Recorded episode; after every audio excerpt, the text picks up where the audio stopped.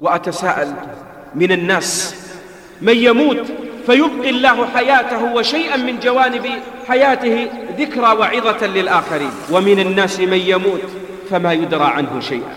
وما يذكر ولا يترحم عليه ولا يذكر أنه قدم خيرا يستفيد منه. وعند ذلك قال ربي لم حشرتني أعمى؟ قال رب لم حشرتني أعمى وقد كنت بصيرا. قال كذلك أتتك آياتنا فنسيتها فنسيتها وكذلك اليوم تنسى.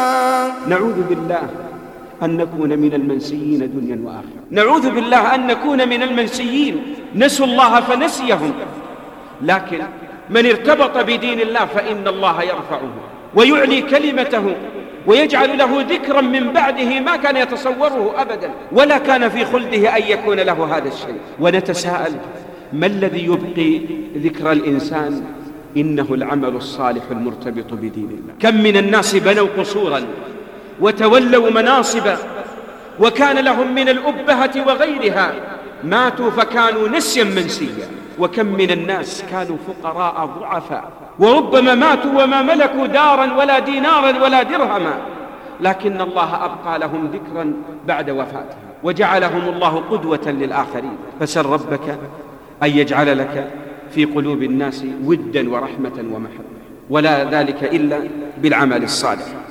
ولهذا إذا جاءت سكرة الموت وجاءت سكرة الموت بالحق. ذلك ما كنت منه تحيد. لا شك بأننا نحيد عن الموت. إذا جئنا الآن وسمعنا بسقوط شيء كل يفر يمنة ويسرى يخاف أن يأتيه الموت. والإنسان وهو يسوق السيارة معه والده. فإذا جاء فجأة يبعد السيارة والحادثة عن نفسه فما يذكر والده أولها نفسه.